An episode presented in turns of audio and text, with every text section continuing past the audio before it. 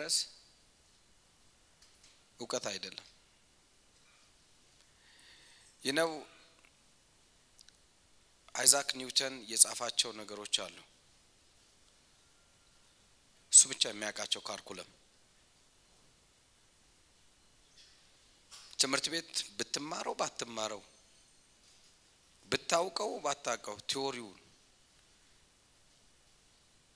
ውጤት ላንተ አይመጣም።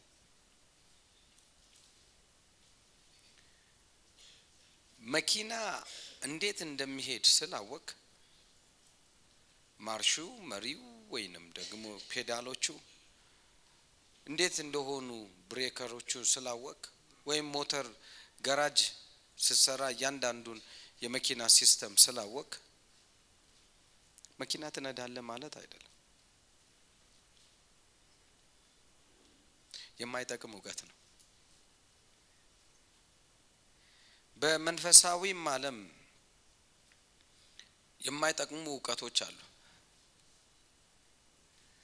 እስካልተገበርካቸው ድረስ አእምሮህ ውስጥ እግዚአብሔር ሰላም ነው ብለክ የጭንቀት ቁጥር አንድ ማስታወቂያ ሚኒስቴር ሆነ ልትኖር ትችላለህ።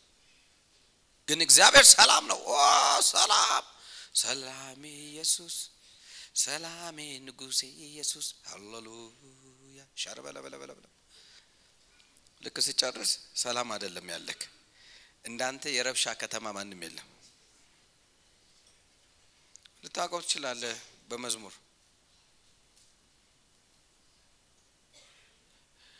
ለምሳሌ በህይወት ላይ ልታወራ ትችላለህ። አንደኛ አንደኛ አንደኛ አንደኛ አንደኛ አንደኛ አንደኛ የምለው በህይወቴ ላይ ከዛ ዞር ብለ የሆነ ስሙኒ እንኳን አታሎክ ይዞክ ይሄዳል እና አንደኛ ነው።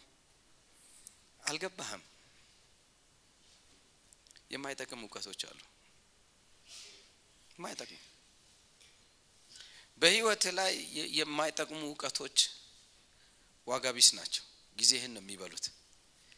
ዝም ብሎ ስሜታዊ ነገር ያነቃቁሃል። ስሜታዊ ነገሮችን ምን ይላል? ደስ ያሰኘሃል። ስሜትህን ነገር የሚኮረኩሩ ደስ ይልሃል። ያ ነው ማለት ፍላጎትህን ስላወክ ማለት ህይወትን እየኖርክ ነው ማለት አይደለም። ፍላጎትህን መተግበር ስትችል ነው ህይወትን የምትኖረው። ብዙዎቻችን እግዚአብሔርን ያወቅነው ይመስለናል፣ ነገር ግን አናውቀውም። ልክ ያወቅነው ይመስለናል። ቢመልስልን ምን የሚልን በዚህ side ነው፣ በዛ side ነው፣ እንደዚህ ነው፣ እንደዚህ ነው ብለን ነው የምናምነው። የሚደንቅ ነገር ግን ምንም ልምምዱ ወይ የህይወቱ ውስጣችን አይታይም። ለምን ሆነ? እሹ ያ ነው ትልቁ ጥያቄ። ለምን ሆነ ነው። ለምሳሌ ሰው መጥቶ ይጠይቀኛል። አስራ አምስት አመት ሙሉ አንድ ጉዳይ ጸልዬ እኔ እኔ ምለው ሌላ ቤቴ የሚሆነው ሌላ እኔ የምሆነው ሌላ እንዲህ መሆነው ሌላ እና ምንድን ነው ፕሮብሌሙ? አይ ነው problem ኡ እውቀት እንደሆነ አውቃለሁ። ነገርኩ መኪና እንዴት እንደሚነዳ ስላወቅ መኪና ትነዳለ ማለት አይደለም። unless ያ እውቀት በህይወት ላይ እስካልገባ ድረስ practice እስካላረከው ድረስ ልምምድ ውስጥ ገብተህ እስካልኖርክበት ድረስ በአንተ ህይወት ላይ አታየውም። አታየውም ሚንስ አታየውም። ከማያውቀው ጋር ምንም ልዩነት የለህም። ምንም ልዩነት ለምሳሌ ያልጠቀመ እውቀት ልንገርህ። ምግብ አቅርበህ ጸለይክ። እግዚአብሔር አባት ሆይ ይህን ማዕድን ስለባረክ እናመሰግናለን። ሰባቱን ከዋክብት ያስከው ምድርም ፍሬ እንድታፈራ አንተ ያዘዝከው አባቴ ትልቅ ነህ፣ የዘላለም አምላክ ነህ። የእኛም ቤት የሁላቸውም ቤት አባት ነህ። ለተቀበሉ ሁሉ ሰላም ነህ። እንወዳሃለን። ይህን ማዕድ ስለባረከው እናመሰግናለን። ከሰውነታችን ጋር ስለተስማማ እናከብረሃለን። አሜን ብሉ ብሉ ብሉ ብሉ ብሉ። ሁለቴ እንደጎረሰ ይገርማቸዋል። ቲማቲም እኮ አይስማማኝም።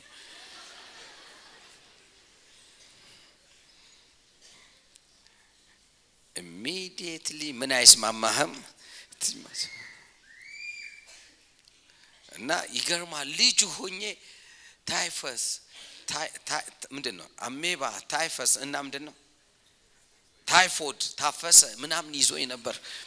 still አሁንም ድረስ ይንቀሳቀሳል። እኔ እኮ ቲማቲም ይሄ ሁሉ ምን አዘባረቀ? ይሄ ሁሉ ምን ማለት አስፈለገ? ሳትጸልይ ዝም ብለህ ብትበላ ይሻልሃል። ለምን ብትለኝ ይሄውልህ እንደዚህ በማድረግህ የጸለይክ ይመስልሃል። ምንም አታገኝም።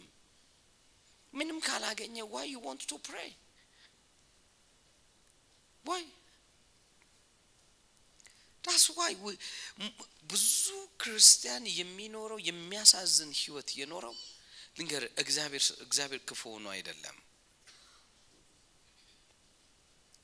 ያወቅነውን እውቀት መኖር ስላቃተን ነው።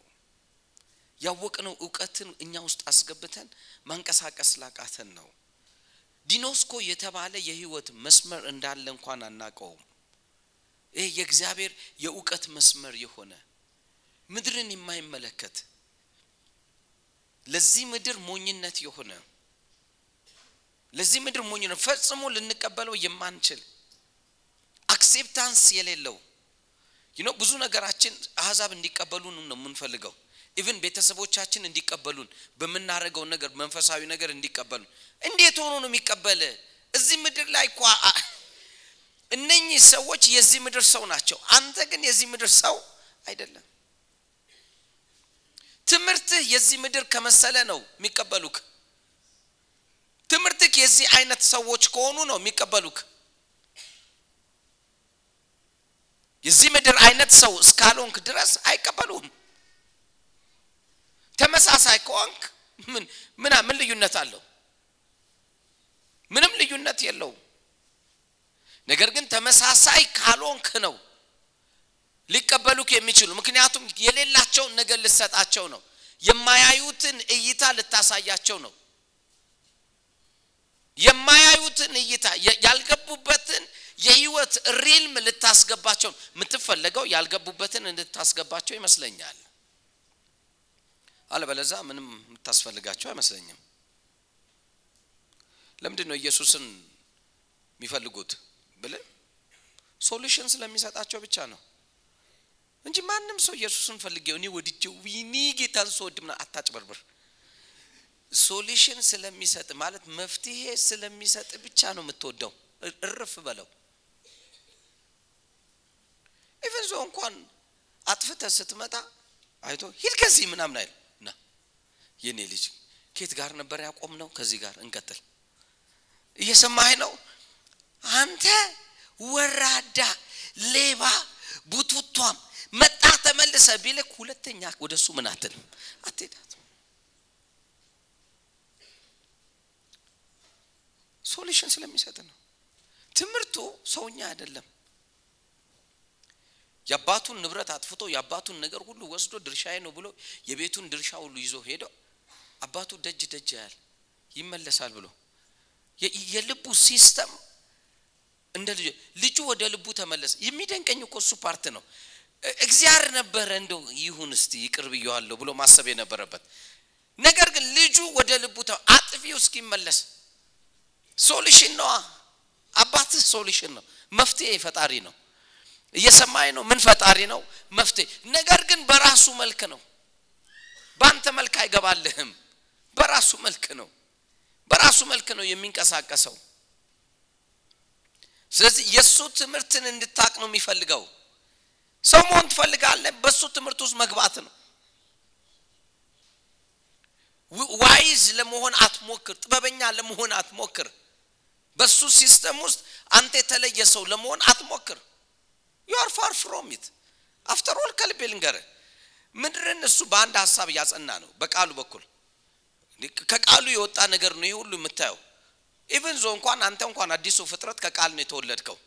አንተን የሚያህል ነገር የወጣውም ከቃል ነው። እንግዲያውስ ለመፍትሄ ያለው እሱ ጋር እንደሆነ እንድታውቅለት እና የሚነግርህን ቃል apply እንድታደረግ ነው የሚፈልገው። ለምሳሌ አየውና ጴጥሮስን ጴጥሮስ በውሃ ላይ መሄድ ፈለገ አንተ ነህ እንዲያው ጥራኝ ባክስ ሲለው ኢየሱስ ና ትምህርቱ ሌላ ነው። ግራቪቲ ምናም የሚባል ታሪክ የለውም። ስለዚህ ና ውሃ ላይ ሲወጣ ሄደ። ወረነሽና ይሄማ ታሪክ እርግጠኛ ነኝ ዞሮ ሐዋርያቶችን እንዳየ። ሃይ ጋይስ የት እንዳለው ብታቂ አዳሜ። እንደኔ አማኝ ከሆንሽ ነይ እና ምን በይ? መሄድ ምን ትላላችሁ ትችላላ እኔ ግን በተመለከተ ይሄውላችሁ ይሄ ነው ታሪኩ ምናም ብሎ በልቡ እርግጠኛን ምክንያቱም ሐዋርያቶች መካከል ላይ ፉክክር የለም አትበለኝ። እናትየው እንኳን የምታሰለጥናቸው ሁለት ወንድማማቾች አሉ። አይልም? okay እኔ መጽሐፍ ቅዱስ ነው። ነገር ግን እዛ ላይ ሁለት የምታሰለጥናቸዋል ምጽአት በመጣ ጊዜ ማን? ልጆቼ በቀኝና በግራ ይሁኑልኝ። ጋሻ ጃግሬ ይሁኑልኝ እኮ ነው ስለዚህ ይሁኑልኝ ይሄ ሁሉ ገብቷቸዋል በውስጣቸው ይኖራል። አይምሰል ለጌታ የተለዩ ሰዎች ምናምን የእግዚአብሔርን ቃል ፈጽሞ ጠንቅቆ የሚያ ሌባ ሁሉ አብሮት አለ። አትገብላሉ እየሰማ ነው በለው ነካ እሺ እኔ መጽሐፍ ቅዱስ ነው። አስቆሮቱ ይሁዳ ሌባ ነበር ግን አብሮት ነበር። solution ስለሚፈልጉ ብቻ ነው የሚከተሉት ያወሩትን አልሰማም? ኢየሱስ ሞቶ ተነስቶ ጠልጥሎን ሄደ እኛስ የመሰለን አደለ ያሉት? ለራሱ እኮ ነው ደግሞ። የሚያሳዝነው እሱ part ነው። ለራሱ ለኢየሱስ ከትንሣኤ በኋላ እኛስ የመሰለን የእስራኤልን መንግስት ድጋሚ ምን የሚል የሚመልስ መስሎን ነበር? እግዚአብሔር ጎብኝት ይሆናል ብለን ንጉስ ይሆናል ብለው እኮ አስበው ነው። ጲላጦስ ይወርድና ማን ይሆናል? ኢየሱስ ይሆናል። በቃ የሚያስቡት እሱም part ነው ለካ ይሄን ሁሉ የሄዶ ፈውሱ። እንዲህ አድርጉ ይችኛዋ ጥበብ ለካ ያለ ጦርነት መንገስ አለ ነው። እቺ በጣም አሪፍ ናት። ያለ ምንም እንትን ነገር። ነገር ግን ኢየሱስን አልገባቸውም። ግን ይከተሉታል። ይበላሉ ይጠጣሉ ይወጣሉ ይገባሉ።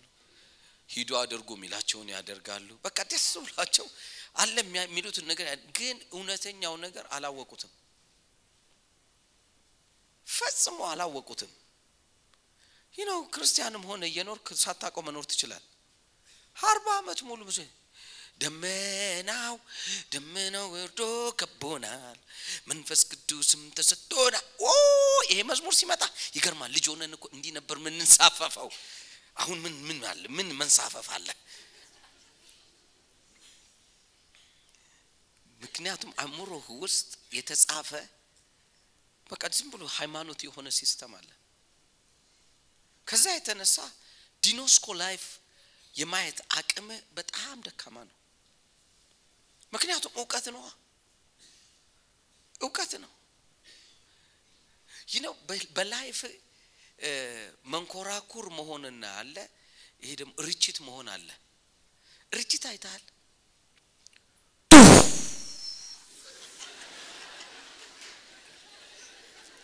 ብዙ ተኝታችሁ ነበረ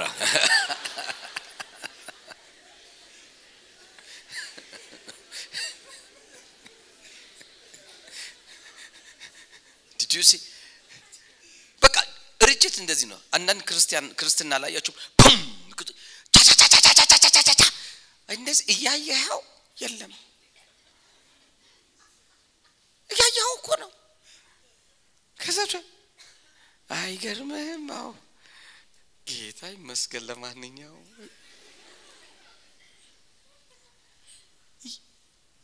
ቻሌንጀር ግን ይተኮሳል የፈለገበት destiny ተብሎ ያለበት ቦታ ደርሶ መንኮራኩር እዛ ብሎ የሚፈልገውን ነገር አድርጎ ይመለሳል። አንድም ቀን ግን ርችት ሲመለስ አይተን አናቅም ድምፅ አለ የለውም? ወደ ላይ ሄዷል አልሄደም? አየር በላው እንጂ። እየሰማኝ ነው? አተገብላለሁ ርችት ህይወት አቁምና ምድር ያዝ በለው ነካ አድርገውና።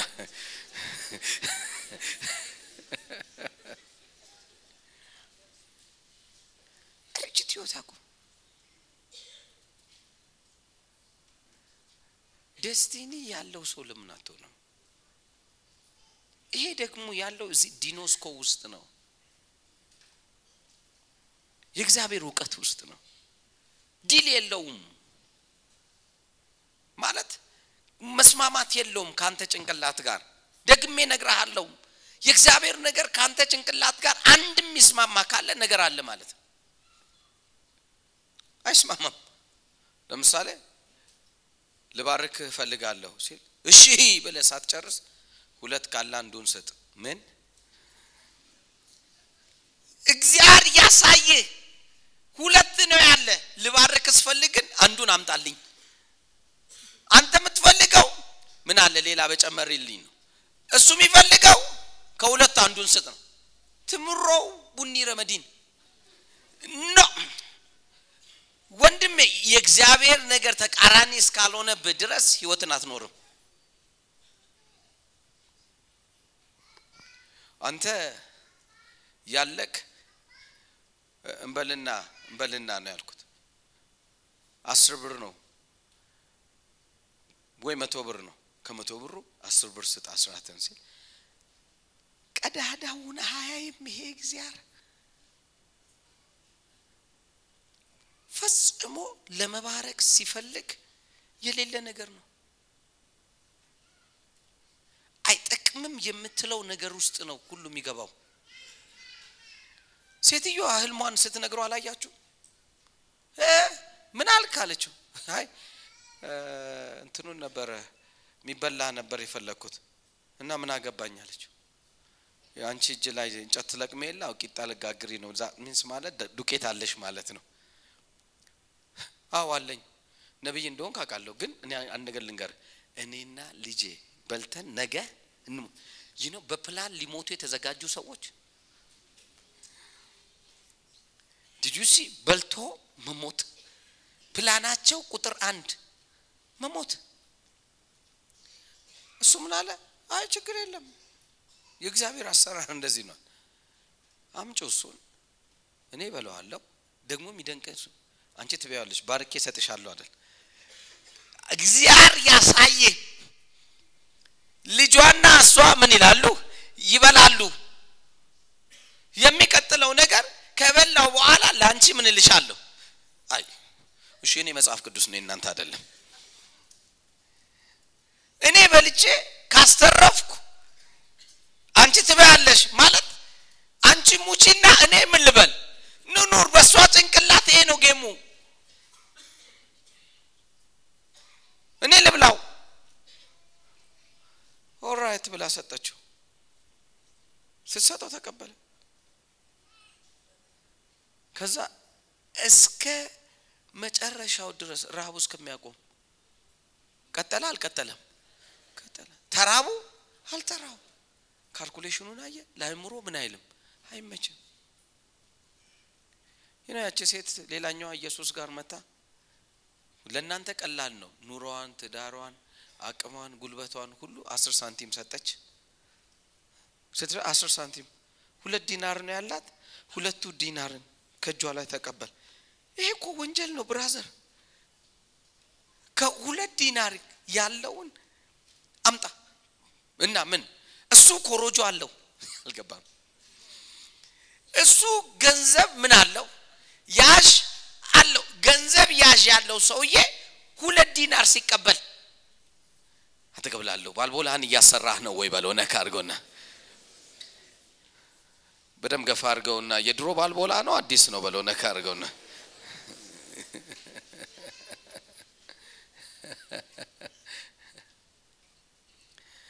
ሳልጸልይላት እንዳትጸልይልሻለሁ። እሺ ዛሬ ይሄዳል። ከልቤ ልንገራችሁ እግዚአብሔር አጓጉል ነው። ከጭንቅላት ጋር አጓጉል ለጭንቅላት የሚስማማ ከሆነ I don't think so ሱ መጽሐፍ ቅዱስ እንደሆነ ምክንያቱም ይሄ wisdom የሰማይ wisdom ነው። ይሄ wisdom ይሄ ጥበብ የምድር ጥበብ አይደለም፣ የሰማይ ጥበብ ነው። የሰማይ ጥበብ ከሆነ ደግሞ የሰማያዊውን አስተሳሰብ ነው የሚያስበው። ያላወቅከውን ነው የሚያሳይ፣ ወይንም ሞኝ ነው ባልከው መንገድ ነው የሚመጣው። እግዚአብሔር ያሳይ። አሁን ከክፍለ ሀገር አርባ ጉጉ፣ አርባ ኑኖ፣ አርባ ዱዱ ወረዳ ተነስቶ እግዚአብሔር ይፈውሰኛል ብሎ እዚህ ቦታ ላይ ይመጣል። ስንት ነው? ስምንት መቶ ኪሎ ሜትር ወደ ገጠር ውስጥ ገብቼ ነው። ከዛ ነው የመጣሁት። የእግዚአብሔር ሰው አንተ እንድትጸልይልኝ። ይሄ ሽምጥጥ ያለ እውነተኛው ነገር ለአእምሮ ማይመች ነው። እና እኔ እኔ ጋር መጥቶ ደግሞ ኢቭን እንኳን አሽቻ አልጸልየውም። ይገባል ምልህ ተፈውሳል። እየሰማኝ ነው? ይሄንን ወርድ ለመስማት አርባ ዱዱ ወረዳ ይመጣል ምናስ ከዛ በኋላ ለቀቀኝ ይላል። ይሄ ለምንም ምን አይልም? አይመችም። ለአንድ ዶክተር እዚህ መተህ እዚህ ሊጸለይልኝ ነው የመጣሁት። ምን- ምንድን ነው የሚያመኝ? ይሄን ይሄን ነው የሚያመኝ። ግን ሊጸለይልን ነው የመጣው። ዶክተር ቢቸግር እዛ አለ። ዶክተር ውለታ ቢዋልልኝ እዛ ጋር አለ። ይነግርሃል እሱ ጋር ሄደ እንደዚህ ሁን እንደዚህ ሁን የሚሰጥህን መድኃኒት ተከታተል ምናምን ነው የሚል። ምድር ነው? ይሄ ግን መንፈሳዊ ዓለም ግን ኢቭን እንዲያል ባክ ተፈጽመዋል ሂድ ወደ ቤት። ይሄ ቃል የሰውን ታሪክ ምን ይላል? ዊዝደሙን አየ። ዊዝደሙ ይግባ ማለት ይሄ ዓለም ይግባክ። የእግዚአብሔር ዓለም ማለት ኖርማል ሰው አይደለህም ይሄ normal ሰው ከሆንክ ይሄ ይሄ ቃል አይመችም። ያበሳጫል። ያበሳጫል። የሚያናድድ በጣም simple የሆኑ ነገሮች ያንተከትካል። አይገባህም። ለምሳሌ አንዳንድ ጊዜ እስ- እሰማለሁ። እ፣ በፌስቡክ ላይ እንትን ይላሉ ይጽፉና ምናምን ይጠይቋቸዋል የእኛን ልጆች። ለምንድን ነው ገንዘብ የሚሰጡት? ለምንድን ነው ስ- ስጡኝ አላል- አልናቸው። አለን በነገራችን ላይ ሲጃራ ማጨስ ክልክል ነው ብዬ እዛ ጋር ብጽፍ የሚያበሳጭህ ምን አይነት ሰው ከሆንክ ነው? አጫሽ ከሆንክ ነው። አለበለዛ ስለ ሲጃራ ምንም ማታጨስ ከሆነ ግድም ምን አይልም። ነው እውነት ነው? ነገር ግን እዚህ ቤት ቁጭ ብለህ ሲጃራ ማጨስ ክልክል ነው ሲባል የእግዚአብሔር ቤት አይደለ እንዴ? እንዴት ሲጃራ ማጨስ ራሱ እኮ ስለሚለበልብ ነው ኢሹ ከልቤ እነግርሃለሁ። እሹ ያለው እዚህ ጋር ነው።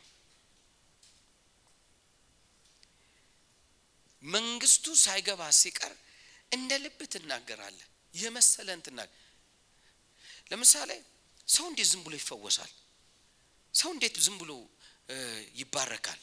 ሊሆን አይችልም። የሆነ ነገር መሆን አለበት። መሆን አለበት መሆን አለ ምክንያቱም በአንተ ቀመር ሰዎቹ ስላልመጡልህ ነው። እንዴት እንደዛ? ምን አይልም። ሊፈወስ ምን አይልም? አይችልም። ቀመር እንደሱ ስላልሆነ።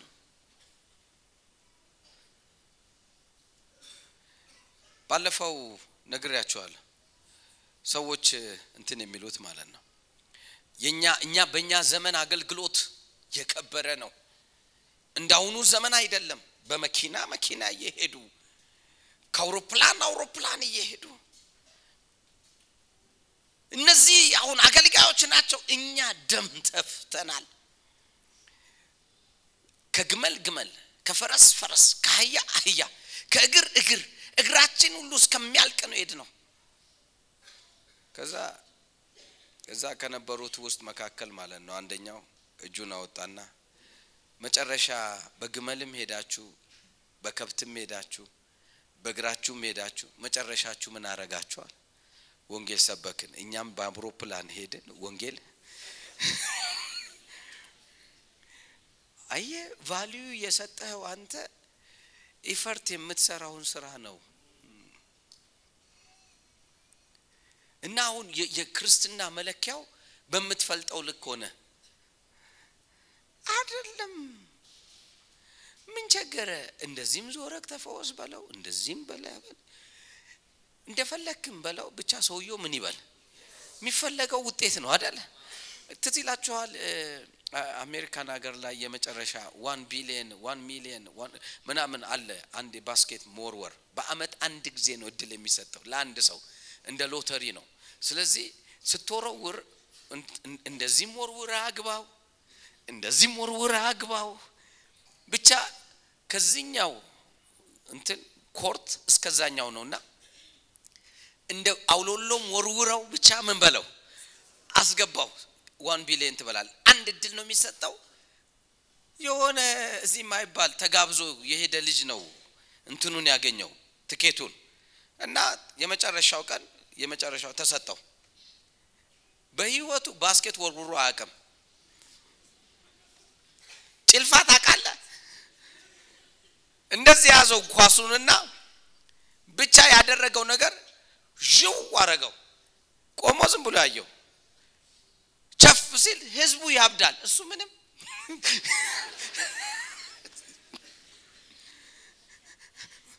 ከዛ በቃ ኦ ህዝቡ ኦ ይሄን ያህል millions ነው billions አገኘ ብለው እንደ እብድ ሆኑ። አጅሬ አይሞቀው አይደምቀው አገባው የሚባል ታሪክ ምክንያቱም ሰው ሁሉም የወረውረው እንዴት ነው እንደዚህ ነው። ነገር ግን እሱ ግን እንዴት ነው እንደ ጭልፋ ነው። አገኘኸኝ። ዋናው በዚህ መንግስት ውስጥ ያንተ ስራ የለም። እየሰማኸኝ ነው? የማን ስራ ነው ያለው? የማን ስራ ነው ያለው? እውቀቱ የማን ነው? አድራጎቱ የማን ነው? ኑሮውን የምትፈልግ ከሆነ ወደ እግዚአብሔር ስራ ውስጥ ግባ። በለመድ ነው፣ ባሰብ ነው፣ ባካሄድ ነው፣ ከዚህ ቀደም ባየ ነው ብለህ ያልከው አንተ ነህ። ተውና እሱን ወደ እግዚአብሔር እይታ ውስጥ ና። እውቀቱ ይገለጥ። ደግሜ ላሃለሁ፣ ምኑ ይገለጥ? ስለዚህም ዊዝደም የተባለው የህይወት መስመር በደም ስማኝ። wisdom የተባለው የህይወት መስመር anointing and anointed one የሆነውን ክርስቶስን ነው የሚያሳየው። እሱ ክርስቶስ የእኛ ጥበባችን ነው፣ ቅባታችንም ነው። እየሰማህ ነው?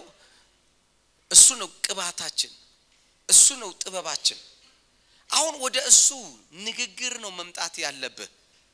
ወደ እሱ አስተሳሰብ ነው መምጣት ያለብህ። ወደ እሱ አኗኗር ነው መምጣት ያለብህ። ወደ እሱ አካሄድ ነው መምጣት ያለብህ።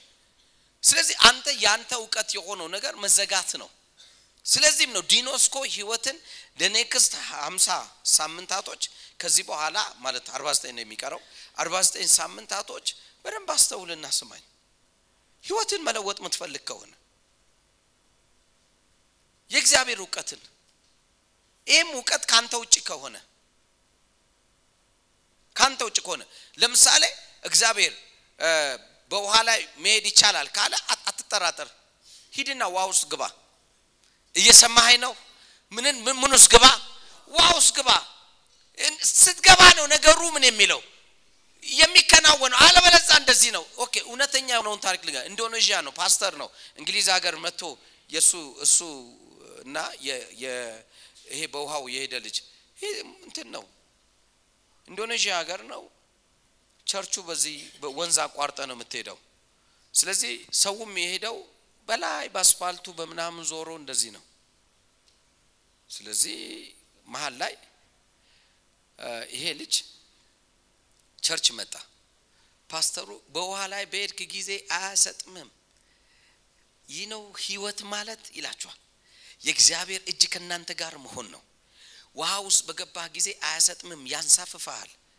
ልጁ ቁጭ ብሎ ይህን ሁሉ መንገድ ለካ ሳይሄዱ ነው እነሱ የመጡት። እዚሁ ወንዙን ምን ብለውት አቋርጠውት፣ ለካ ይሄ ነው ታሪኩ። ከዛ ሁሉም ክርስቲያን እንሄዳለን በውሃ ምናምን እያለ ፓስተሩ ሲሰብ ያስ ሁሉም አሜን ምናምን ሲል በቃ ፕሮግራሙ አለቀ። ጌታን የምትቀበሉ ሲባል ጌታን ተቀበለ። ማንንም ሰው ስለማያውቅ ወጣ ወጣና ሲመለከት ሁሉም ጌታን ተቀብሎ ምናምን ሲነገረው ምናምን ጭሪ ሌለ ሲያይ ሁሉም ሄዷል። ሁሉም ቤት አቋርጦ መሰለው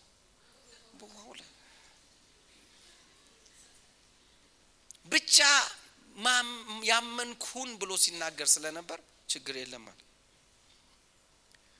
እስቲ ቆይ ለምን እኔ እንግዲህ ሰውየውም ዛሬ ሲያስተምር እንደዛ ብሏል። ካመንኩት ደግሞ እሱ ታማኝ ነው ብሎኛል። እስቲ ልሞክረው ብሎ ሄድ ሲል ውሃው ላይ መሀል ላይ ቆመ። ሲያይ ምንም የለም። ወደ ቤት አልደነቀውም። ምክንያቱም ክርስቲያኑ ሁሉ ምን የሚል የመሰለው የሚሄድ መሰለው። ከዛ በሚቀጥለው ሳምንት ላይ በውሃ ላይ እሱ እየሄደ መጣ፣ ገባ፣ ፕሮግራም ተካፈለ። ፕሮግራሙን አለቀ። ዞር ብሎ ሲያይ የሚያውቀው ልጅን አየው። እንዴ ሰላም ነህ ምናምን አለው። ደስ ብሎኛል እኮ ባለፈው ሳምንት ስለቸኮልኩ ነው እንጂ አይቻለሁ ጌታን እንደተቀበልክ ምናምን ምናምን አለው። አይ በጣም ጥሩ። ከዛ ወደ ቤት እንሂድ፣ እሺ እንሂድ ተባባሉ። አንድ ሰፈር ናቸውና ወዴት ነው የምትሄደው አለው።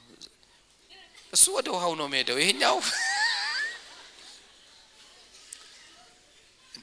ምን ሆነሃል አለው። አይ እንዴ ትናንትና ባለፈው ሳምንት አልሰማማው ማን ነው የሚባለው ፓስተር እሱ በውሃ ላይ መሄድ ትችላላችሁ ብሎ አልነበር እንዴ ሲል እናሳለሁ ፕሮግራም እንዳለቀ እኮ እኔ እኮ በውሃ አቋርጬ ነው አለ። ከዛ በኋላ እውነትህን ነው አለው። እሺ አሳየኝ አለው። ልጁ ወሰደውና ተረም ተረም ተረም እያሉ ሲል what ና ና ፓስተሩ ጋር ና ፓስተሩ ጋር አለው። ፓስተሩ ጋር ወሰደው። ፓስተሩ ጋር ወሰደውና በውሃ ላይ ይሄዳል ሲል ፓስተሩ ከወንበሩ ተነስቶ አንተ አለው። እንዴ ልጁ ደንግጦ እንዴ እርሱ አይደለ እንዴ ያሉት በውሃ ላይ እንሄድ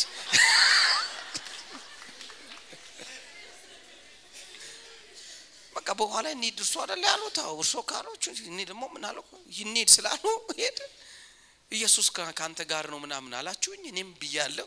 በቃ ሄድኳል። ከዛ ና ና ና አሳየን አሉት። እስታፎቹ እነኚህ ሽማግሌ ምናምን የቤቱ ስብሰባ ነበረና ከፕሮግራሙ በኋላ በሙሉ ተሰብስበው ሄዱ። ከዛ በኋላ እየዞረ አትሄዱም እንዴ ሲላቸው ና ሂድ አንተ መጀመሪያ ድ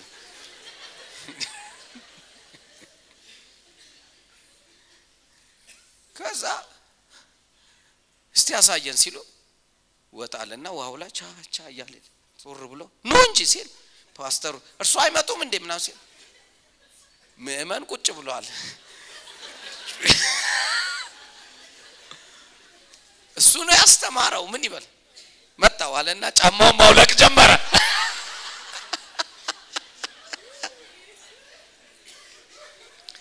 አስበው ጫማውን ካወለቀ የሚቀጥለውን አንተ ሙላው።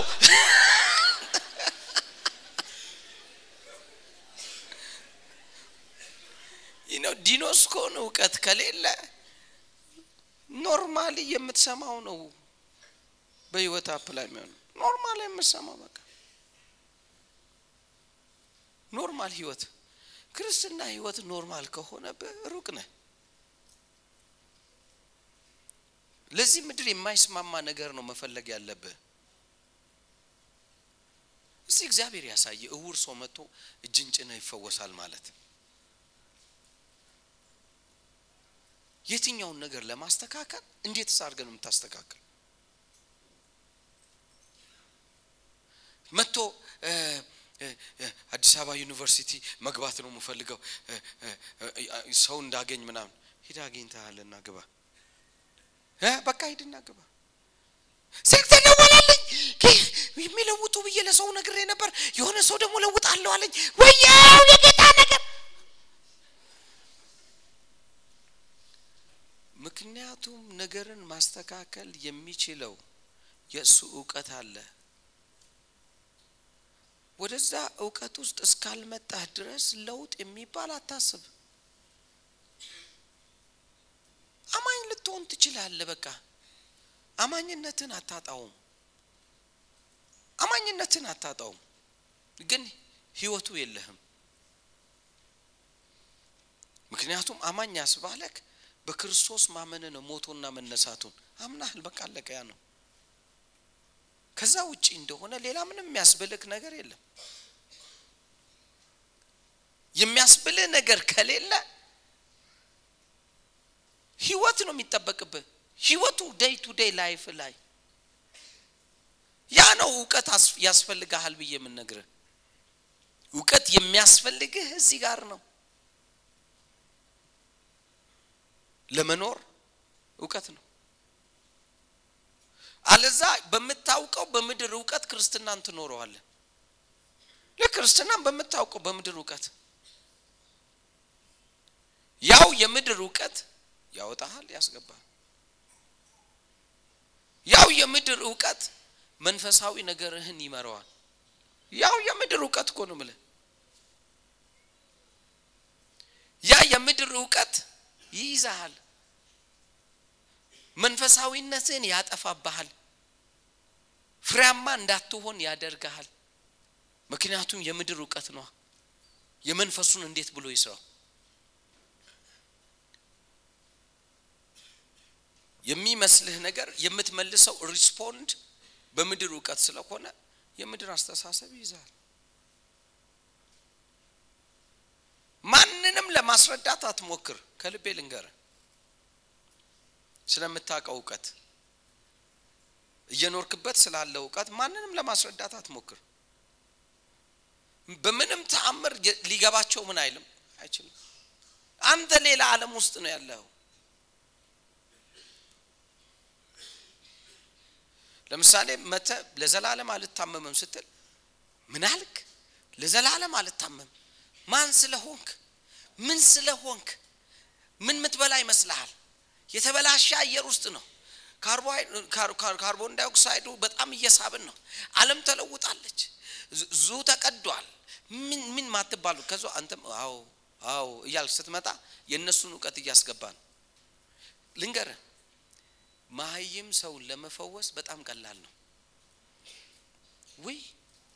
ማህይም ሰው ትምሮ ጨረቃ የሆነ ይታመም። ይኸውልህ እግዚአብሔር እንዲህ ነው ስትል ያለ ሱስ ማን አለን? እጅን ጫንልኝ። እውቀት ያለውስ? ይሄ መድኃኒት ኩላሊትን ነው የሚጎዳው። ይሄኛው ደግሞ ልብህን ነው ስርቅ የሚያደርገው። ይሄኛው ራስህን ነው የሚጨመድደው። ይሄን የወሰድኩ ጊዜ ጆሮዬ ጭው ይላል። ያ ሰውዬ ጭው አያቅም የትኛውም ነገር አሁን ስጸልይልኝ ይሄዳል ይላል። ያኛው የመድኃኒት አይነቱን ይቆጥራል።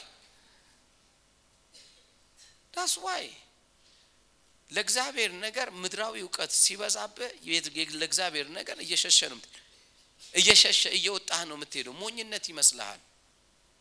እያየህ እንኳን አታምንም። የማይረሳኝ ልንገራችሁ። ማን ነው ስሙ? የቦንኬ ቢቢሲ ጠየቀው። ቢቢሲ ወርልድ ቢቢሲ ላይ ተጠየቀ። ናይጄሪያ ሀገር ላይ አይኗ ይሄ የፊቱ አይን የለም ብሌኑ የለም። ብሌኑ የለም ማለት ብሌኑ የለም። የሆነ እንደዚህ እንትን አለ አደለ የሆነ አንድ የሆነ ስጋ የሚሆን ነገር አለ። እንደዚህ በቃ የሚንጠለጠል ከዚህ አልፎ አይንህን አልፎ እንደዚህ የሚንጠለጠል አለ። እንደዛ የተንጠለጠለ ሁለቱም አይን ነው። ከጠፋ አይኑ ከልጅነቱ ጀምሮ ነው ስለዚህ ይህ ልጅ አያይም። ትልቅ ሰው ነው። ከልጅነቱ ጀምሮ ጠፋ አያይም። ቦንኬ ቢሂልድ ሲል ልጁ አየ። እንደዛው እንደተንጠለጠለ ነው ነገሩ።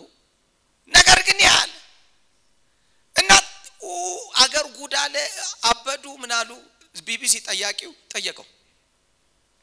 ሲጠይቀው ቦንኬ ባቅ ኖሮ ነግራችሁ ነበር ይሄ የእግዚአብሔር ምንድን ነው እውቀት ነው። በሱ እውቀቱ ውስጥ አይን ሳይኖረው ማየት ምን ይላል? ይቻላል። አልገባም ፈረንሳይኛው።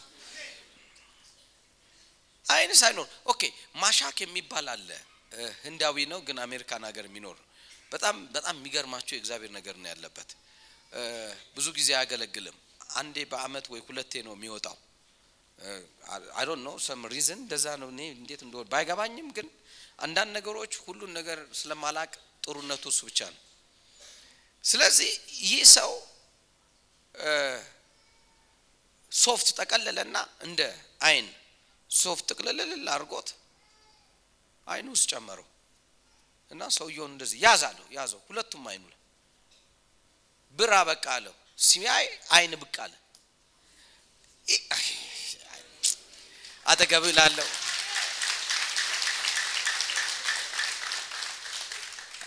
አጠገብህ ላለው አይሞቅህ አይበርድህ አንተ ቀበሌ።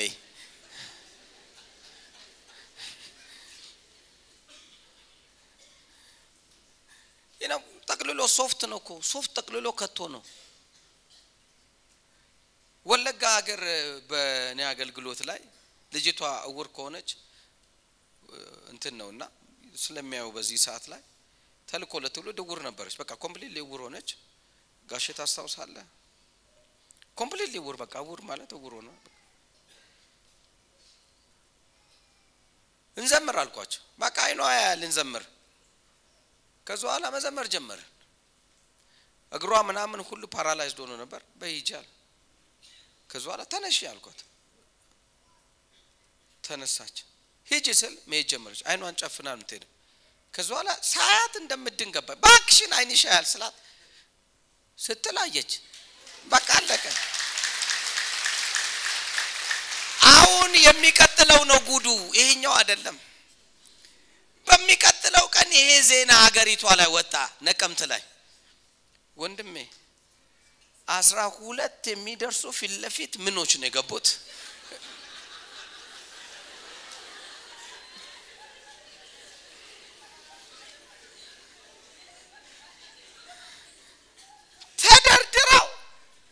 ስገባ ሁሉም መነጽር ጥቁር መነጽር ግጥም ግጥም። ደግሞ ፊት ለፊት ነው ያስቀመጧቸው። ከዛ ከኋላ ምናምን አገሩ በሙሉ የአገር እውር ሁሉ ምን ብለው ነው? ሰብስበው ነው የመጡት። ከዛ ልጁን ፓስተሩ ማለት ነው ስማ ምን ሆነው ነው? አንተን ነው የሚጠብቁ። እንግዲህ ትወጣው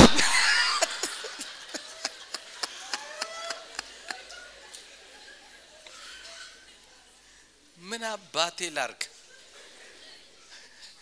ቀስ እያልኩ መነጽሩን ሽው ሳረግ ባዶ ሽው ባዶ። የለም አይን የለ at least አይን ቢኖር እንደሷ ትሞክራለህ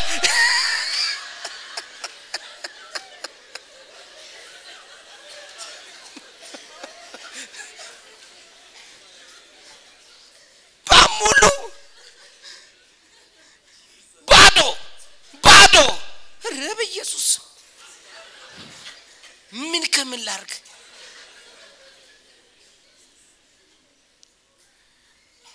ከዛ መጣሁና ሶፍቱን አምጣ አልኩት። ምን? ሶፍቱን አምጣ! በቃ መጠቅለልና መስጠት ነው። ምን ቸገረኝ? እየጠቀለልኩ። መነጽሩን በላዩ ላይ አርጉት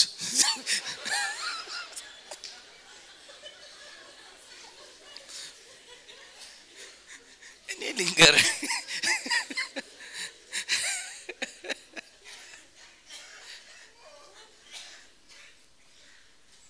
ህይወት? በቃ የምትችለውን ነገር ማድረግና እውቀቱን ምን ማለት ነው? መግለጥ ነው። by the way እንደማይፈወሱ በጣም እርግጠኛ ነኝ። ለመሰለ ገና ያዩዋቸው ጊዜ ደነገጥኩ። what do you expect me በህይወት ይህን እንደዚህ ገጥሞኛ አቅም እኮ አናግሬው ሳልጨርስ እስቲ ለማንኛውም አይን አላቸው የላቸውም። የሾፍ ሳረግ የለም። እና ታዲያ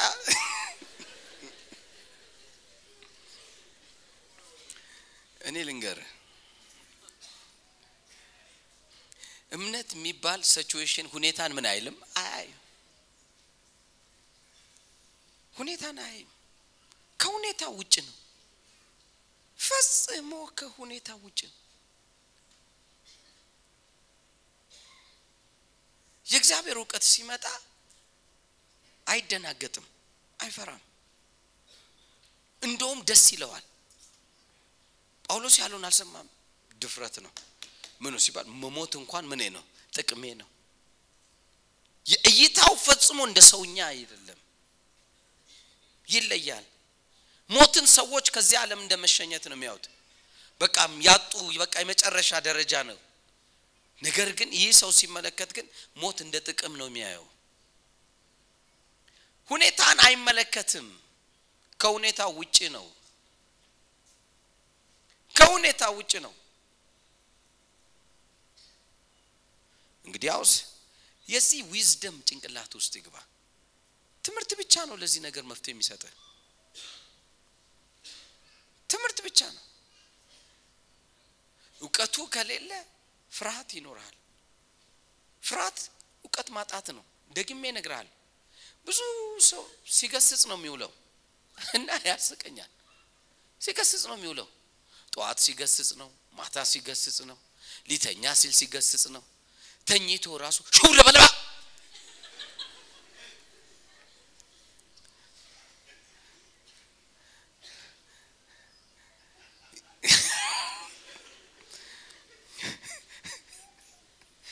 እኔ ነገር አታምጦብኝ እኔ ነግሬያችሁ። ኑሮው መገሰጽ በቃ ሁሉን ነገር በግሳጼ ነው የሚኖረው። እውቀት ስላጣ እኮ ነው የሚያጫጫኸው እንጂ ሌላ አይደለም። እስቲ አንድ ጥያቄ ልጠይቅ። የእግዚአብሔር ቃል ይዋሻል? እርግጠኛ ነህ? OK ኢየሱስ ሴጣን እንደ መብረቅ ሲወድቃል። የሚጎዳችሁ ከዚህ በኋላ አንዳች የለም አለ አይደል እባብና ጊንጡን ትረግጥ ዘንድ በጠላት ኃይል ላይ ሁሉ ምን ሰጥቷችሁ በአንተ ላይ የተሰራው መሳሪያ ሁሉ ምን አይልም? በቃ አርፎ መኖር ያንተ ነው አሁን። አለበለዛስ? ሰው ቤት ገብተ የሆነ ምግብ ካቀረቡ እነኚህ ሰዎች መተተኞች ውዩ በኢየሱስም ውዩ በኢየሱስም እዛ ከበላው በኋላ ነው ሆድ የሚነፋው ትፈራለህ? ለምን ፈራ? እውቀት ስለሌለ ነው እንጂ ሌላ አይደለም። እንኳን እንደዛ መርዝም ብትጠጡ ምን አይላችሁም? አይጎዳችሁም ብሏል አይደል? የተመረዘ ነገር እንኳን ቢያበሉህ እኮ ነው። ከመርዝ በላይ ነህ ነው ጨዋታው። እየሰማኝ ነው? ከምን በላይ ነህ? ከመርዝ በላይ ነህ ነው። እውቀት ከሌለ ግን ልክ ነው ዘመዶቼ አላማኝ ናቸው። ይሄን እኮ ቂንጨው ላይ የሆነ ነገር ትፍ ትፍ ብለውበት ነው ያጨቡዲያም እሱ ነው እንደዚህ ያደረገኝ ከዛስ ምን ነገሬ ሁሉ ቶ እኔ በጣም የሚገርማችሁ ከልጅነቷ ጀምሮ በጌታ ቤት ያደገች ልጅ ብነግራት ብነግራት አሰማም ለምን አትወልጅም ማልወልድበት ምክንያቱ አታቅም አኪሬን ወስደውት ምኗን ወስደውት? አኪሯን ትዝ ይለኛል እነሱ ጋር ከጠጣ የሆነ ወተት አመጡልኝ ፊቴ ላይ ያስቀመጡና ጠጭው ጠጭው ጠጭው ጠጭው ሲሉኝ እኔ ደግሞ ሲሆን ብቻ ጌታ አለ ብዬ ጠጣው ከዛ ቀን ጀምሮ ኮከቤ ተወስዷል አለች። ምኗ ተወስዷል? ኮከቤ ከልቤ ነግርሃለሁ check ትደረጋለች ማህፀኗን አይምሯን ምን ምን ማትደረገው ነገር አለ? ደሟን ሁሉ ትክክል ነው። ለምን አታረግሽም አኪሬን ወስደዋታል OK በአውቶቢስ ተራ ነው አኪር። ምንድን ነው በአማርኛ? እስቲ የአውቶቢስ ተራ ልጅ። እድሌን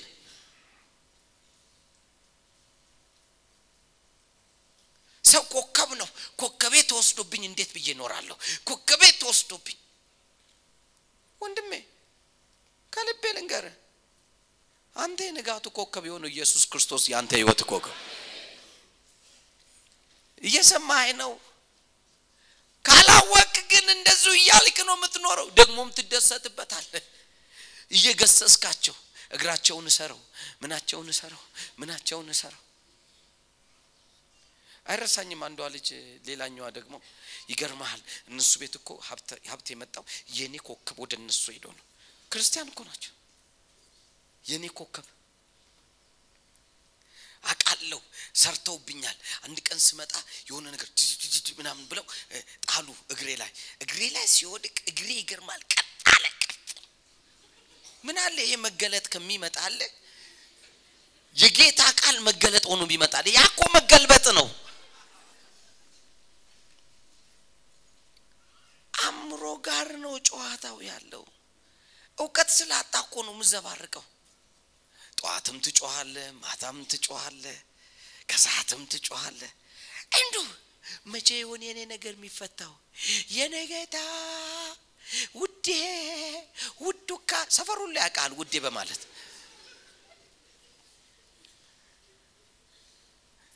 ስድቤን ከኔ ላይ የምታስወርደው? ስድቤን ስድቤን ከኔ ላይ የምታስ እግዚአብሔር ከላይ ሆኖ ኢሳያስ ሀምሳ አራትን አንብበሻል ምንድን ነው ጉርደትሽን ከአንቺ ወስጃለሁ፣ ሀፍረትሽንም ቀንበር እኔ ምን ብያለሁ ወስጃለሁ ምናምን ይለውን አዎ ይላል። እሱማ ይላል። ግን ውድዬ አጠገብ ነካ ትምሮ ጨረቃ ስለሆንሽ ነው ያ ነገር ጨረቃ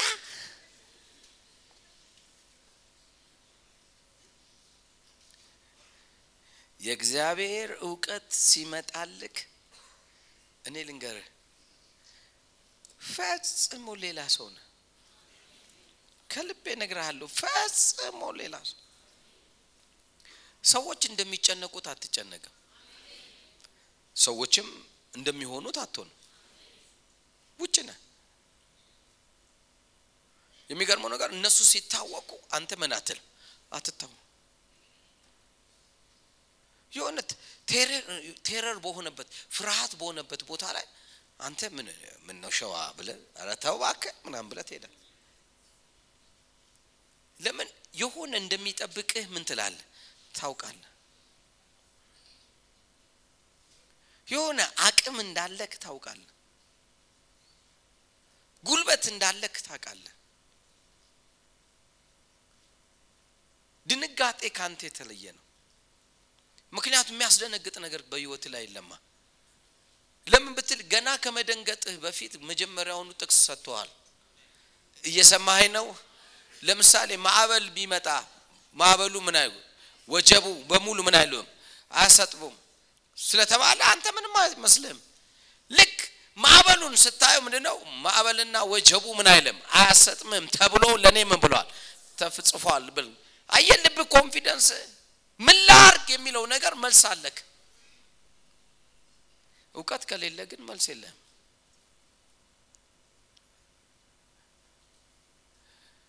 ይገርመሃል። እኔ በጣም እፈራለሁ የእንትን hepatitis B hepatitis የያዛቸው ሰዎች እነዚህም ኤም የያዛቸው ሰዎች እነሱ ሲተነፍሱ እኔን እንዳይዘኝ ወይኔ ጌትዬ ይሄ ጌቱካ ጌቱ አንድ ሰው ሳይነግርህ አጋጣሚ ሆኖ ምግብ እየበላ እያለ ዝም ብሎ ሲያይክ ና ብላ አልከው መጣ በላክ። ከዛ በኋላ ምን ነው በሰላም ነው ግን? ሳይክ ተጎሳቅሏል hepatitis B ነው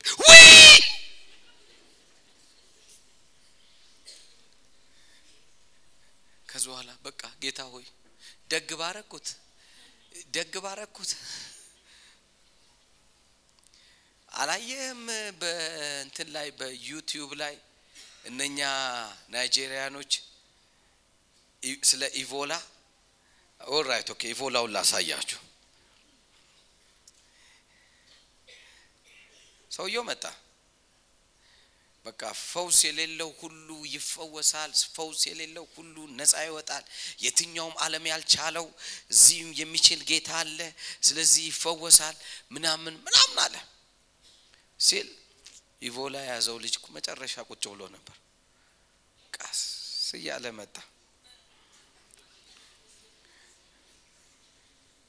መሮጥ ይችላል፣ መንቀሳቀስ ይችላል፣ እንዲህ ነው ምናምን ብሎ ሲያወራ ምንም ችግር የለም። አዎ እጅን አንሳለሁ። አነሳ፣ ጫነበት። ከዛ አጠገቡ አገልጋዮች ቆመዋል። ከዛ በኋላ ለመሆኑ ምንድን ነው የሚያምህ ሲለው ኢቮላ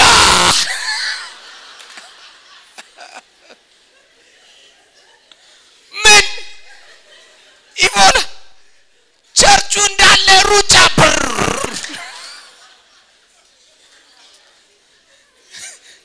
አጠገቡ ያሉት ሁሉ ሮጡ። ከዛ ሰውየውና ፓስተሩና እሱ ቀሩ። why me Lord why me ለምን ጌታ ወይ እኔ እንዲይዘኝ አደረግ እጁን ጭሏላ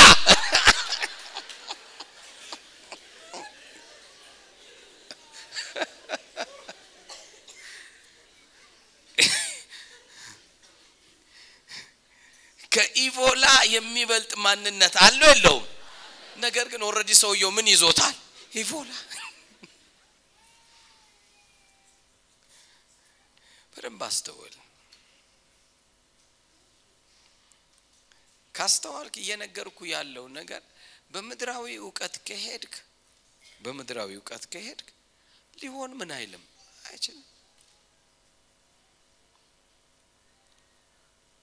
በምድራዊ እውቀት ሊሆን አይችልም። ወደ መንፈሳዊ እውቀትና ጊኖስኮ life ይሄ ጊኖስኮ ህይወት ውስጥ እስካልገባህ ድረስ አታገኘውም። kingdom ኡን በአንተ የእግዚአብሔር መንግስት አይሰራም። የእግዚአብሔር መንግስት እንዲሰራብህ ነው ህይወቱ። ዋናው የሚፈልገው እግዚአብሔር መንግስቱ አንተ እንዲታይ ነው። ጤነኛ ሆነ ሲል ማን ነው ሲባል ይኸው ሳልታመም ሀምሳ ሁለት አመት እየኖርኩ ነው። ሳትታመም ሀምሳ ሁለት አመት አሁን ነፍስ ካወቅኩ ጀምሮ ታምሜ አላውቅም። ሳልታመም ስን ሰማንያ አመት ነው የኖርኩት። ሳልታመም መቶ ሀያ አመት ነው የኖርኩት። ሀ እንዴት ኖርክ? ምክንያቱም ክርስቶስ ከኔ ጋር አለ። አየህ ህይወቱ ምንም ራሱ ይመሰክራል። ምን አጣ? ምንም አጥቼ አላውቅም። በሄድኩበት ቦታ ሁሉ ከቀን ወደ ቀን እየጨመርኩ እየተባረኩ ለምን? ምክንያቱም እሱ ከኔ ጋር ነዋ። እየሰማኝ ነው። የህይወት ምስክርነት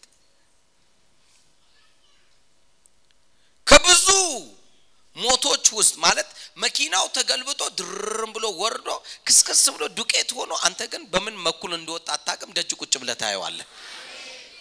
ከዚ ኋላ ሰዎች መጥቶ ከዚህ ውስጥ ነው የወጣው፣ አዎ የኔ ጌታ ትላለህ። did you see now የሚገርመው ሁሉ ሰው በሙሉ በዛን ቀን ያሸተት ነው እንትን ኬሚካል በሙሉ ካንሰር ያዛቸው። የሚደንቅ ግን እኔን ግን ካንሰር ምን አላለኝም አልያዘኝም። አሮ ነው እዚህ ቤት ውስጥ አለህ መሰለኝ ካልተሳሳት የኤሌክትሪክ መብራት እየሰራ ያለ ይሄ ትልቁ ጀነሬተር እንትኑ ምንድን የሚባለው ትራንስፎርመሩ እሱ ጋር እየሰራ ያለ ፈነዳ ፈነዳ። ላዩ ላይ ነው የፈነዳው። እንደዚህ እንደያዘ ፈነዳ፣ ወደቀ መሬት ወደቀ መሬት። ሰውነቱ በቃ ከላይ እስከ ታች ጥቁር ሆነ። ወስደው ነው እንትን ያደረጉበት ምንድን ነው ዘይትና ውሃ ከዚህ የወሰዱትን አፈሰሱበት። ከዛ በቃ ይሞታል ተብሎ በምንም ተአምር እንትን ሆነ፣ ደነዘዘ፣ ወደቀ፣ እንትን አደረገ፣ ደርቆ ቁጭ አለ። ሆስፒታል አይተርፍም እና በቃ ወደ ቤት ወስዳችሁ አንድ ነገር አድርጉት። ግን የሚገርመው ነገር ጥፍሩ ሁሉ ነው ጥቁር የሆነው። በቃ ተበላ።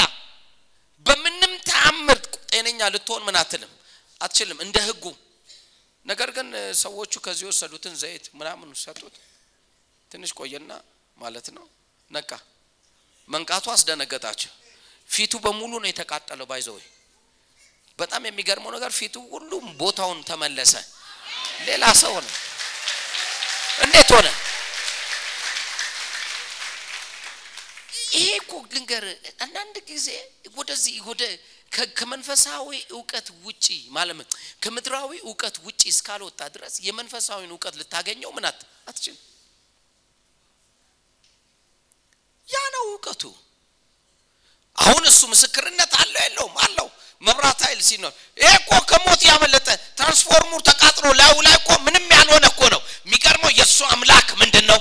ልዩ ነው። በኢየሱስም ላለው በህይወት አስመስክር በለው እባክህ፣ በህይወት አስመስክር። አጠገብ ላ እስከ መቼ አጃቢ ትሆናታለህ በለው ነካ አድርገው፣ ኑሮ በለው ነካ አድርገውና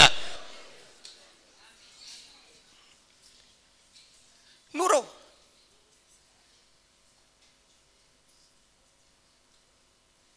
ይነው ኢቢኤስ ፕሮግራም እዛ ሴቶች እስር ቤት ውስጥ ታየኛለች እና ስለምታየኝ እንደዚህ በጣም ትወደኛለች። በቃ ደስ ይላታል። የገባችው ሰው ገላ ነው እና ሰው ገላ ነው የገባችው። ሁለት ሰው ገላ ምናምን ነው የገባችው እና ኢቢኤስ ነው በቃ ታያለች። ስታይ ስሰብክ አሁን ኑሮ ነው የሚያስፈልገው የሰው ኑሮ አይደለም ብዬ ሳወራ ምን አለች? ሌላ ኑሮ አለ ሰው ሰው ያልኖረው ኑሮ እስቲ ልስማው አለች። ሰማች። የዛን ሁለት ጌታን ተቀበለች። እዛው እኮ በቲቪ ነው። ከዛ ትምህርቶቼን በቃ ማሰስ ጀመረች።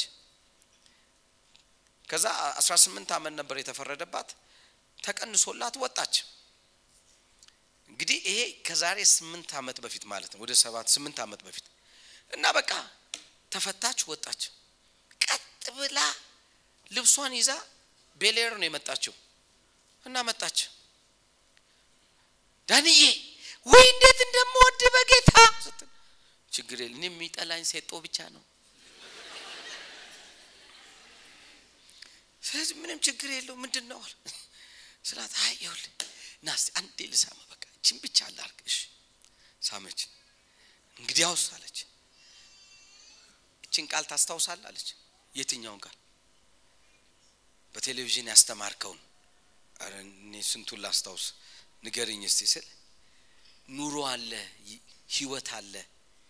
ሰው የማይኖረው ኑሮ እግዚአብሔር የሚኖረው ባንተ ውስጥ ያልከው አዎ አለ። መቼ እንደሰበኩ ባላቅም ግን አለ ምናምን አልኳት። በቃ እሱ ኑሮ እኔን ቀይሮኛል። አሁን ወደዚህም ህብረተሰብ ከመግባቴ በፊት አባቴ ያለ እሱ ጋር ሄጄ ከመግባቴ በፊት አንተ ጋር ነው ይኸው ተፈትቼ የመጣሁት። ስለዚህ የመጣሁበት አጀንዳ አንድ ነው አለች። ይህን ኑሮ አሳየኝ። እየሰማችሁኝ ነው? ይሄን ኑሮ ምን በለኝ አሳየኝ። መኖር እፈልጋል። በቃ ያን ኑሮ ማየት እፈልጋል። የኔት ብዬ ደስ አለኝ። እኔ ላይ እንውጣ ሮሽ ጋበዝኳት። ሽሮ ነው መወደው ስትል የጋሽ ጎሳዬን ሽሮ ባናቷ ለቀቅኩት።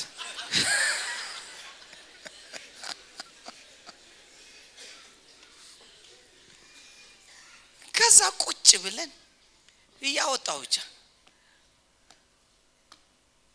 ጨረስን። አሁን ስላት አሁን ኑሮን አግኝቻለሁ፣ አመሰግናለሁ። በእድሜ ዘመኔ ሁሉ ላመሰግን እፈልጋለሁ። ከዚህ በኋላ ላታየን ትችል ይሆናል ወይም ልታየን ትችል፣ ግን ስታገኘኝ የሚቀጥለው ጊዜ ግን ከፍታ ቦታ ላይ ነው አያ አሁን ይሄ ነው በህይወት የሚያስፈልግ ነገር ቢኖር ከልቤ ልንገር፣ ልዩ የሆነ እውቀት ነው እንጂ የምድሩ እውቀትማ already እየኖርከው ነው ያለው። that's why ሐሙስ ሐሙስ ላይ ጊኖስኮ የእግዚአብሔር እውቀት የማን እውቀት? የእግዚአብሔር እውቀት።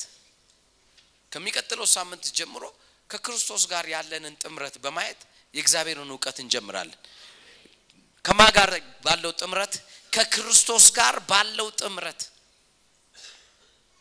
ከሱ ጥምረት ጋር ባለህ ነገር እንዴት የእግዚአብሔር እውቀት የእግዚአብሔር ሕይወት በአንተ እንደሚገለጥ እኔ ዛሬ እናገራለሁ በኢየሱስ ስም። ከዚህ ቀን ጀምሮ ልዩ የሆነ መንፈስ አግኝተዋል። እኔ እናገርብሃለሁ፣ ልዩ መንፈስ አግኝተዋል። በምትወጣበት በምትገባበት ሁሉ መንፈስ ተከትለዋል። አምናለሁ በኢየሱስ ስም። እረፍት የሚሰጠው መንፈስ ካንተ ጋር ወጥቷል። ኃይል የሚሰጠው መንፈስ ካንተ ጋር ወጥቷል። ጉልበት የሚሰጠው መንፈስ ካንተ ጋር ወጥቷል። እስቲ ተፈጸመ በል እስቲ። ደግመ በለው እስቲ። ደግመ በለው እስቲ። ክፋት አያሸንፈኝም በል እስኪ። ደግመ በለው እስቲ። ክፉን ሁሉ አሸንፍ ያለው በል። ደግመ በለው እስቲ። ደግመ በለው እስቲ። በመንገዴ ላይ የሚቋቋመኝ የለም በል እስቲ ደግመ በለው እስቲ ደግመ በለው እስቲ አስፈሪነቴ ተገልጧል በለሰ ደግመ በለው። ደግመ በለው። እንደ አፍ ቃል ሆነብህ። እንደ አፍ ቃል የትም ስትሄድ ከዚህ በኋላ የአፍ ቃል ያስረሃል። የእግዚአብሔር እውቀት በአንተ ይገለጣል እየባረከ እየጨመረ በአንተ ላይ ይሄዳል። ጮክ በልና ጥሬ ነው በል እባክህ። የመኖሪያ ህግ ነው በልሴ ደግመ በለው የመኖሪያ ህግ ነው በልሴ እስቲ አርፍ ያለው በል። ደግመ በለው። ደግመ በለው። እስቲ ከፍታውን ወርሻለሁ በል እስኪ። እድል ፋንታዬ ነው በል እስኪ። ምንን ወርሰሃል ምንን ወርሰሃል ምንን ወርሰሃል ጮክ በልና ድግግሞሽ life የለም በል። ደግመ በለው ድግግሞሽ ህይወት የለም በል። አምኛለሁ በልሴ ደግመ በለው አምኛለሁ በልሴ ደግመ በለው አምኛለሁ በልሴ ይህ እምነቴ ይንቀሳቀሳል በል። ደግመ በለው። ውበቴ እምነቴ ነው በልሴ ኑሮዬ እምነቴ ነው በልሴ። አቅሜ እምነቴ ነው በልሴ። ዛሬ ተገለጠ። ዛሬ ተገለጠ። ዛሬ ተገለጠ። በደም ገፋ አድርገውና አጠገብ ያለው ከክብር ወደ ክብር ታልፋለህ በል ደግመ በለው በል። ያልነካውን ሰውዬ ንካና ከክብር ወደ ክብር ታልፋለህ በል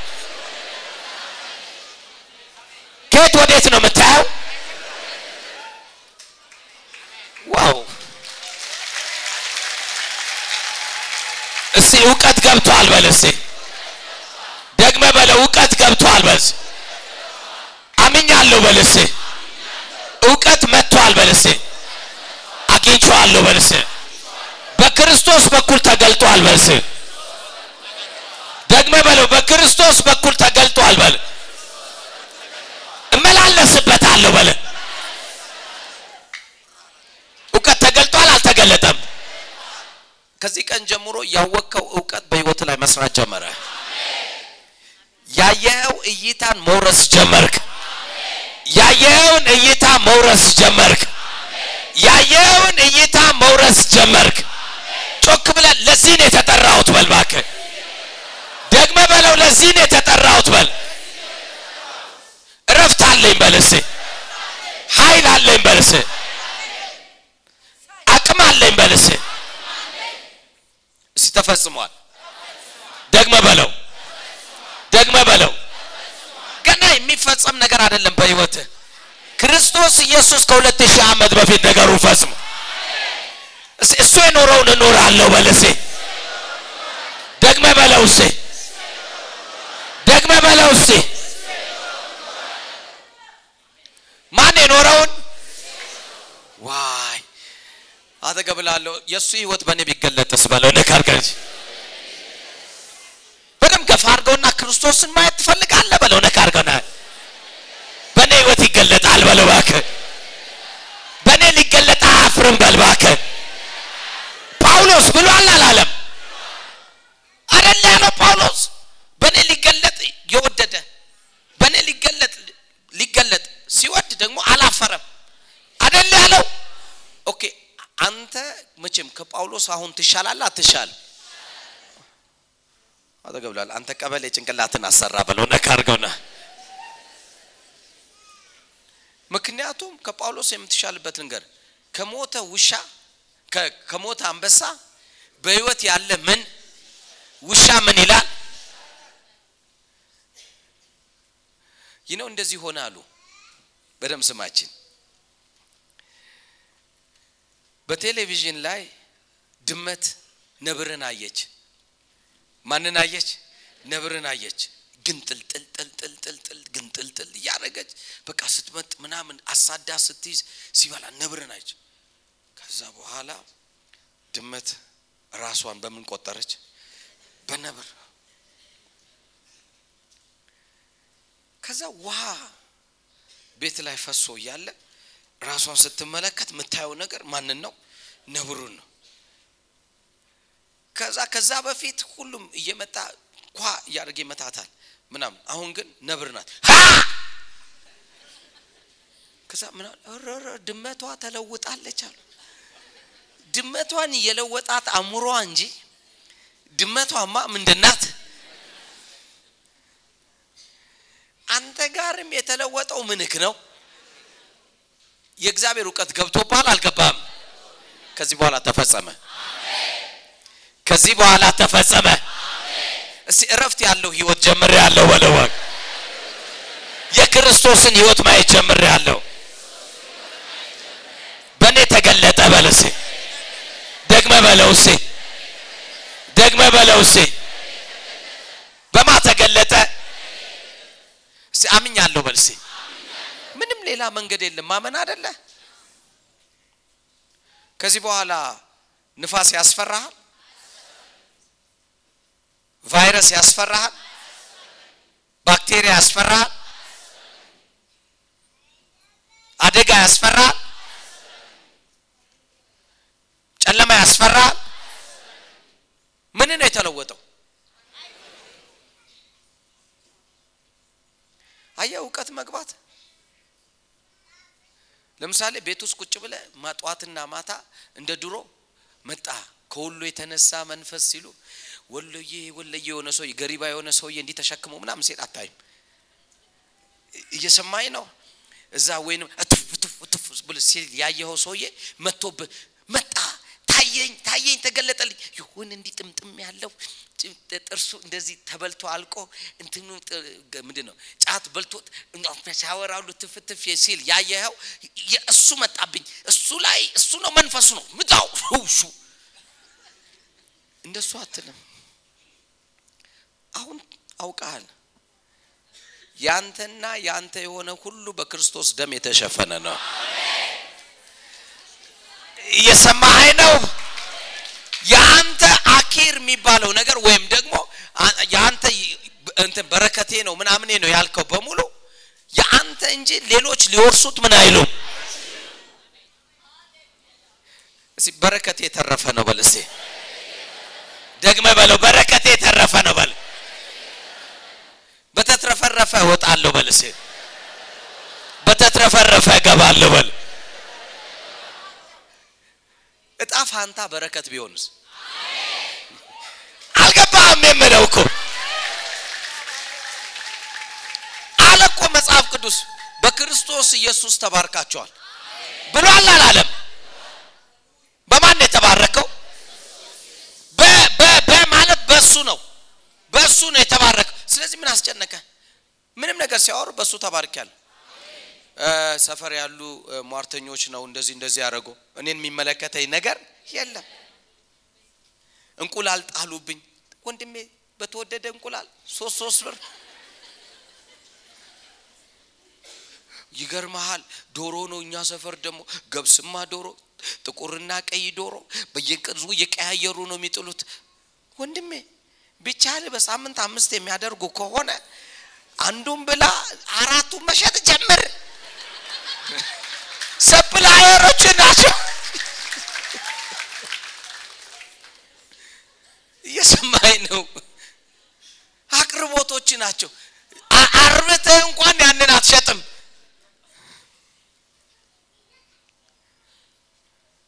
ሁሌ እኔ ማገኘው ይገርመሃል የእግዚአብሔር ሰው እኔ ማገኘው በጣም የሚገርም የሚገርም ነገር ነው። ምንድን ነው የምታገኘው? ይገርመሃል በግ አምጥተው ያስቀምጣሉ አስረውት ይሄዳሉ። ሶስት ሺህ አምስት መቶ ነው እኮ አሁን ሰሞኑ።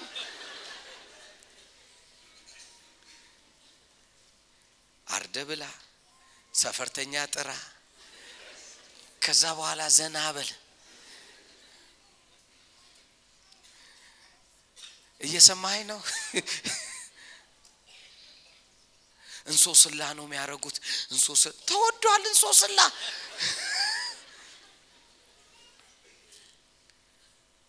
አትጨነቅ ለዚህ።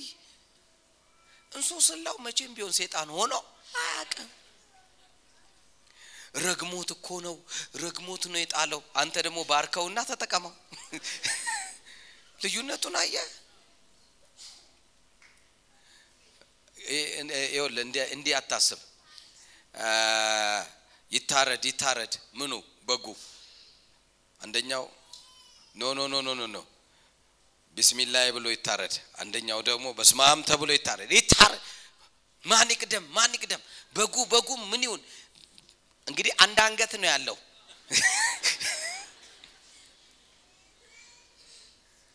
ከዛ ሁለቱም ምን አረጉት? አረዱት አሉ። ሁለቱም ቢላ አሳረፉና ሸክ አድርገው አረዱት ሲያርዱት ሁለቱም እንዴት ይብሉ? አንድ ግን መንገደኛ ሰውዬ ቁጭ ብሎ ያይ ነበር። አንደኛው በጉ እስላም ነው ሲል አንደኛው በጉ ክርስቲያን ነው ሲል በቃ እኔ ቀምሼ ነግራችኋለሁ ብሎ ስ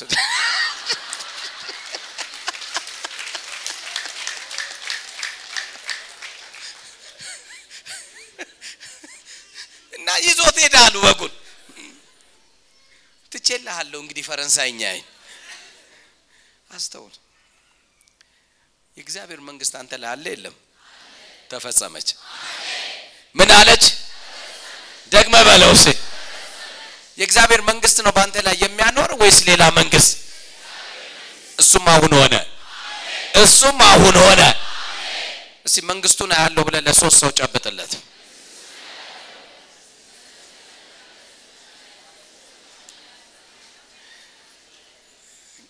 ኢየሱስ ጌታ ነው። ለእግዚአብሔር